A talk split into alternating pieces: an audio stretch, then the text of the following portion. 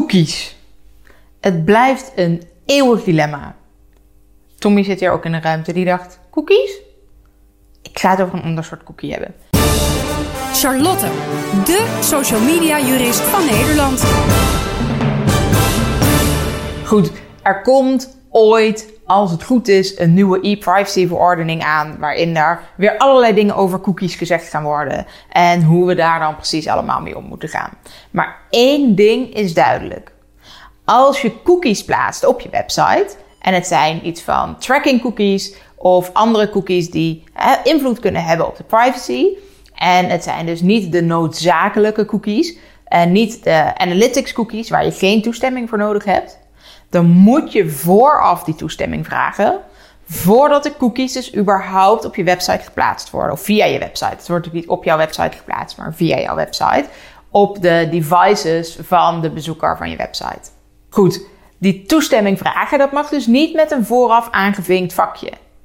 Er zijn verdomd veel websites die van die cookie-meldingen hebben, waarbij eigenlijk wel al alles vooraf aangevinkt staat. En het idee was dan, ja, maar luister, je kunt het dus ook met een actieve handeling nog uitzetten. Bovendien, als het aangevinkt staat, dan moet je nog steeds op oké klikken of je moet nog steeds een handeling doen.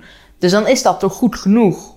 Nou, een tijdje geleden heeft het Hof van Justitie van de Europese Unie bepaald dat dat niet genoeg is.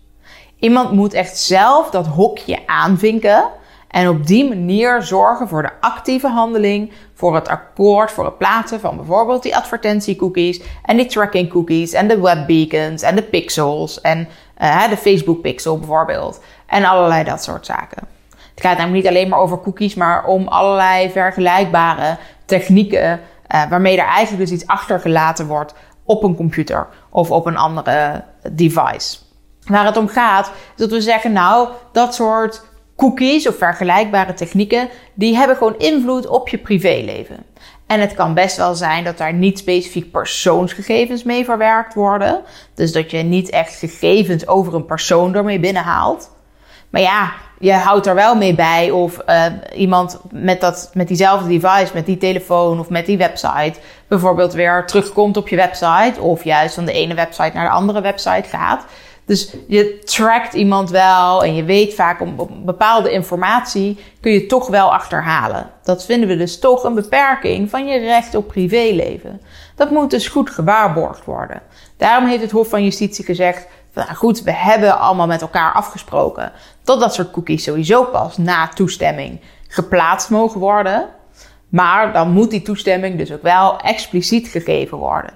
Dus vooraf dat aanvinken en zo instellen voor iemand dat mag niet. Iemand moet dat echt actief doen. Dat betekent dat dus heel erg veel van die cookie-meldingen zullen moeten veranderen. Omdat nu heel vaak de, ja, voor de websitebeheerder ideale instellingen al aangevinkt staan.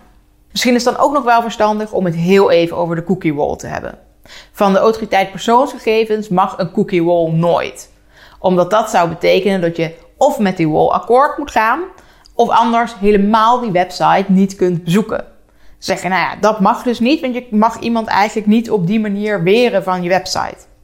Dat is helemaal niet waar. Je mag in principe zelf bepalen wie er allemaal op jouw website terechtkomen. Wat alleen niet mag is als er op die website essentiële informatie staat, die eigenlijk niet of heel slecht op een andere manier online op een andere website verkregen kan worden. Maar gaat het dus om informatie die best nog op een andere manier verkregen kan worden. Zoals nieuwswebsites toch heel vaak eigenlijk wel dezelfde onderwerpen behandelen en dat op eenzelfde manier uitdiepen. En tuurlijk zitten daar allemaal nuanceverschillen in. Maar het betekent niet dat je opeens helemaal geen toegang zou hebben tot nieuws. Het zijn bijvoorbeeld vooral overheidswebsites die absoluut geen cookie wall mogen gebruiken. Maar dus heel veel commerciële websites, naar mijn idee, als ik de regels lees, hoeft dat dus niet per se een probleem te zijn. Hangt hooguit af van wat voor soort informatie er op die website staat en in hoeverre dat verder nog via andere websites verkrijgbaar zou zijn. Nou, als die e-privacy-verordening er dan eindelijk een keertje komt, want die zou er eigenlijk tegelijkertijd met de AVG komen en toen misschien halverwege 2019 en toen eind 2019 en uh, nu is het allemaal nog maar afwachten. Want er zijn weer allerlei discussies over de e-privacy-verordening. Maar dan zal ik jullie weer op de hoogte houden. Ik hoop dat jullie nu vooral voldoende informatie hebben over hoe het nu zit met de cookies. En dat je daarmee vooruit kunt. En dat je je cookie uh, melding op je website naar aanleiding van deze video dus aan kunt passen.